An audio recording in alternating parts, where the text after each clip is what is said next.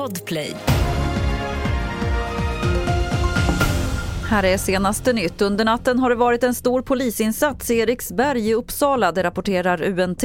De skriver att insatsstyrkan varit på plats. Poliser med dragna vapen ska ha sökt igenom ett soprum och en helikopter cirkulerade över området. Men polisen vill inte säga något om varför man varit på platsen.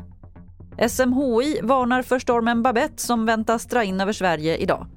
I skotska Brechin har flera invånare uppmanats att evakuera sina hem efter att en 50-årig kvinna svepts ut i havet av den hårda stormen.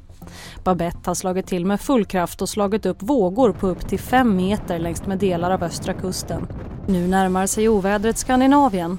Danmark förbereder sig för ett så kallat hundraårsregn. Och under eftermiddagen väntas Babette dra in över Sverige. SMHI har för skånska sydkusten utfärdat en orange varning för översvämningar. Ovädret väntas sedan fortsätta norrut och dra in över Mellansverige under lördagen. Reporter här var Ida Vanhainen. Och till sist kan vi berätta om en ovanlig smyckeskupp i Polen. En 22-årig man ställde sig i ett fönster i ett varuhus i Warszawa som skyltdocka. Han bytte alltså kläder och stod sen blickstilla för att sen efter stängning stjäla en massa smycken.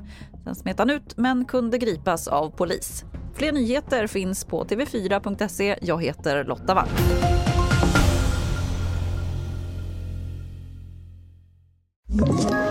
Ett poddtips från Podplay.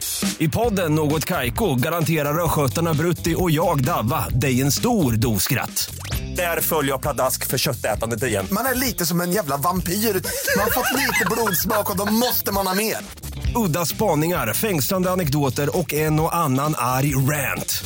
Jag måste ha mitt kaffe på morgonen för annars är jag ingen trevlig människa. Då är du ingen trevlig människa, punkt. Något Kaiko, hör du på Podplay. Därför arkadeinerna.